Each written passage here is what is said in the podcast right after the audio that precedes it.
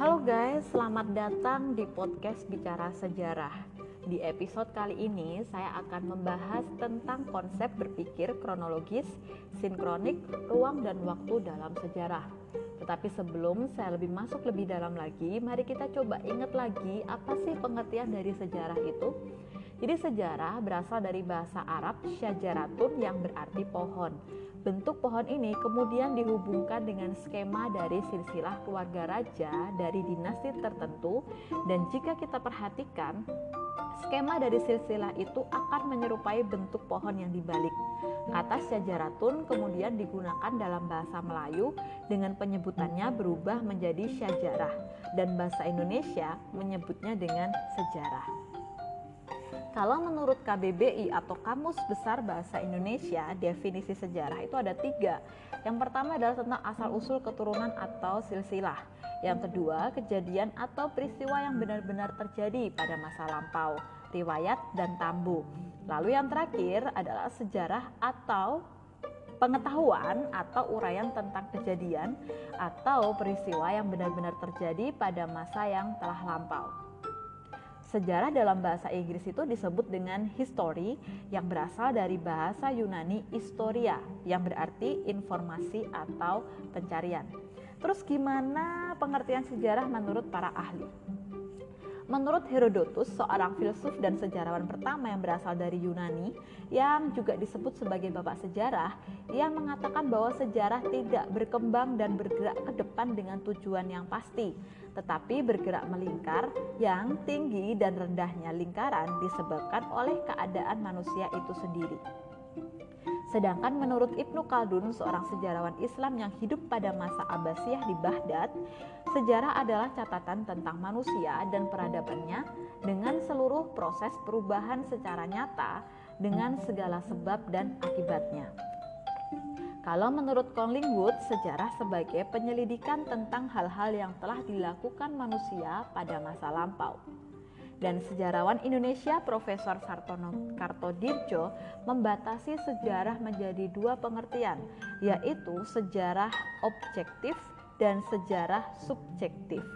Sejarah yang objektif adalah sejarah yang menunjuk pada kejadian atau peristiwa itu sendiri, sedangkan sejarah yang subjektif adalah sejarah yang telah dipengaruhi oleh emosi dan pikiran oleh sejarawan atau penulis sejarah tentang suatu peristiwa. Sedangkan menurut Muhammad Ali, sejarawan Indonesia, mendefinisikan sejarah sebagai keseluruhan perubahan, kejadian, peristiwa, dan kenyataan yang memang benar-benar terjadi di sekitar kita. Lalu cerita tentang perubahan dan perubahan itu sendiri dan yang terakhir adalah ilmu yang menyelidiki tentang perubahan-perubahan peristiwa kejadian yang benar-benar terjadi pada masa lampau. Dan menurut Muhammad Yamin, sejarah adalah ilmu pengetahuan yang disusun atas hasil penyelidikan dari berbagai peristiwa yang telah dibuktikan. Ciri khusus sejarah itu ada tiga, sejarah itu harus unik, artinya peristiwa sejarah hanya terjadi satu kali.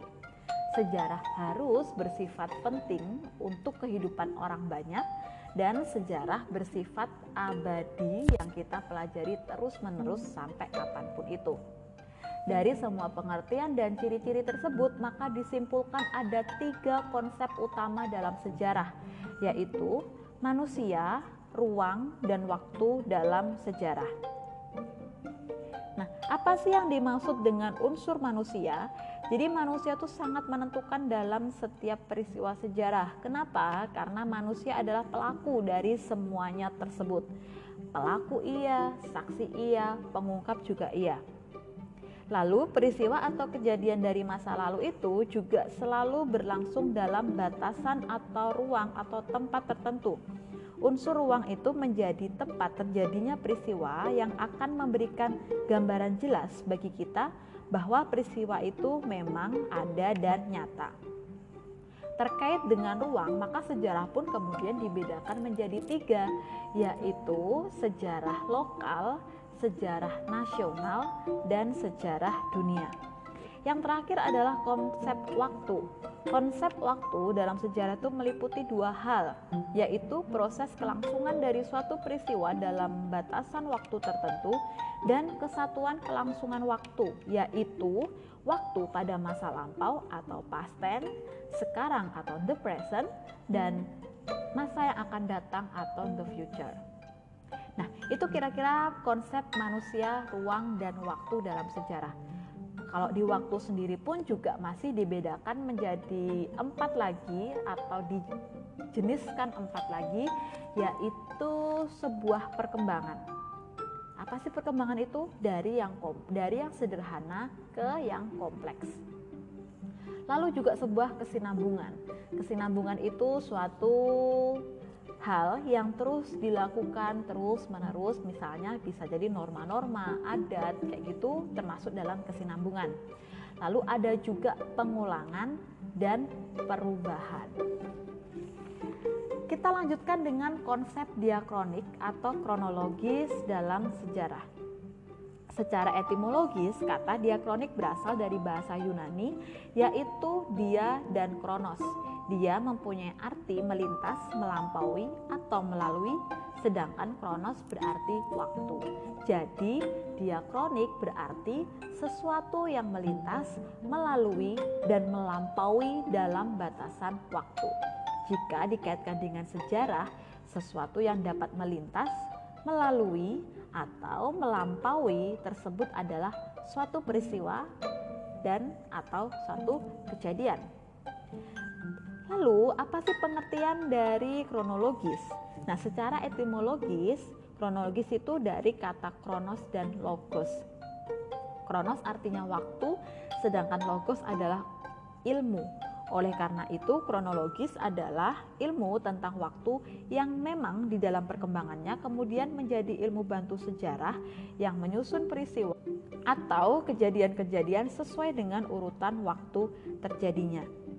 Mengurutkan peristiwa-peristiwa sejarah sesuai dengan waktunya itu mempermudahkan kita dalam melakukan rekonstruksi terhadap semua peristiwa masa lalu dengan tepat. Kronologis juga membantu kita agar dengan mudah dapat membandingkan peristiwa sejarah yang terjadi di suatu tempat yang berbeda tetapi dalam waktu yang sama. Misalnya nih pada tahun 1825 sampai 1830 ada dua pemberontakan atau perang yang terjadi di Indonesia dalam waktu yang bersamaan tapi di tempat yang berbeda yaitu Perang Padri dan Perang Diponegoro. Dalam konsep diakronik atau kronologis ini kemudian dikenal dengan adanya istilah periodisasi apa sih periodisasi itu? Periodisasi adalah klasifikasi dari peristiwa-peristiwa sejarah dalam tahap-tahap dan pembabakan tertentu. Periodisasi dalam sejarah itu diperlukan karena penting bagi kita agar dapat mengadakan tinjauan secara menyeluruh terhadap peristiwa-peristiwa yang telah terjadi dan saling keterhubungannya dalam berbagai aspek. Periodisasi itu ada dua macam, ada periodisasi yang berupa angka tahun, ada juga yang berupa kalimat. Kalau angka tahun itu dikhususkan bagi peristiwa yang memang tidak familiar di tengah masyarakat luas.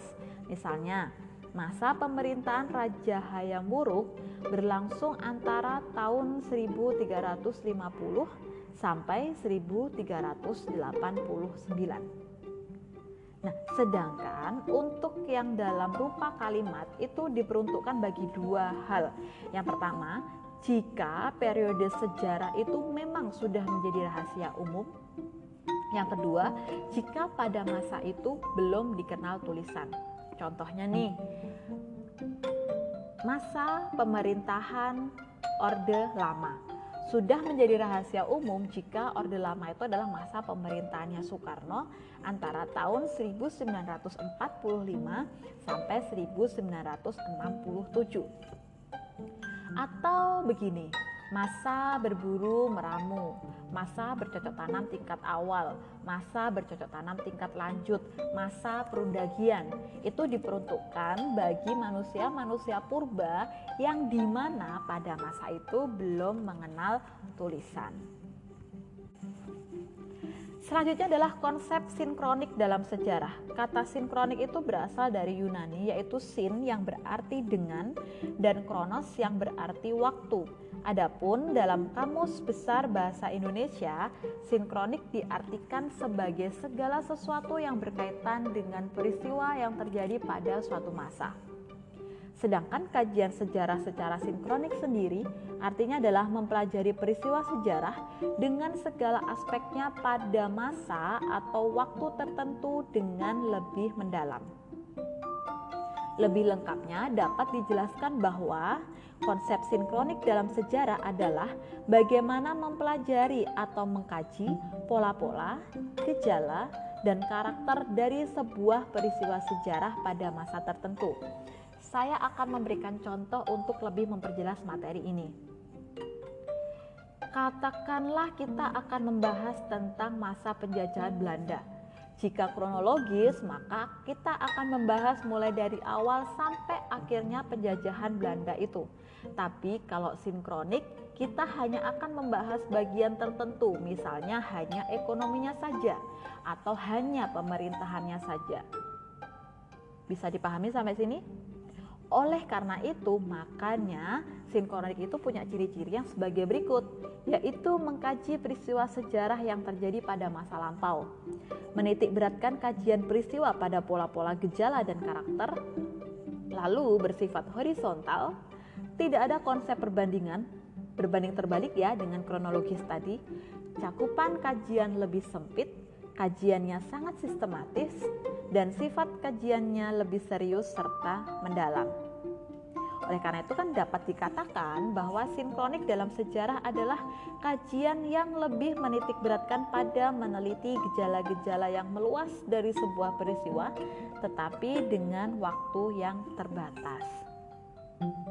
Begitu ya penjelasan tentang sinkronik.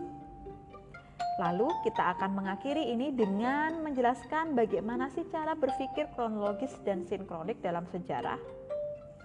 Sejarah itu mengajarkan kepada kita cara berpikir kronologis, artinya berpikir secara runtut, teratur, dan berkesinambungan. Dengan konsep kronologis, sejarah akan memberikan kepada kita gambaran yang utuh tentang peristiwa atau perjalanan sejarah dari tinjauan aspek tertentu sehingga dengan mudah kita dapat menarik manfaat dan makna dari hubungan antar peristiwa yang terjadi. Adapun dalam kehidupan sehari-hari, konsep berpikir diakronik atau kronologis itu sangat kita perlukan kalau kita ingin memecahkan masalah. Tanpa berpikir secara runtut dan berkesinambungan dalam mengidentifikasi suatu permasalahan, kita akan dihadapkan pada pemecahan masalah atau pemberian solusi yang tidak tepat. Lalu bagaimana dengan cara berpikir sinkronik? Itu akan mengajarkan kepada kita untuk lebih teliti dalam mengamati gejala atau fenomena tertentu terhadap peristiwa atau kejadian yang juga pada waktu yang tertentu. Konsep berpikir sinkronik itu banyak diterapkan pada ilmu-ilmu sosial lainnya, terutama jika kita ingin mengetahui secara lebih mendalam tentang sesuatu yang hal yang tengah menjadi fokus dalam perhatian kita. Selain melatih kita untuk dapat berpikir kronologis dan sinkronik nih, sejarah juga mengajarkan kepada kita cara berpikir holistik, yaitu dalam mengamati atau mempelajari suatu peristiwa, kita hendaknya menggunakan cara pandang dengan mempertimbangkan berbagai aspek. Itu materi yang bisa saya sampaikan hari ini. Semoga bermanfaat. Sampai bertemu di episode kita yang selanjutnya. Terima kasih, Tuhan memberkati.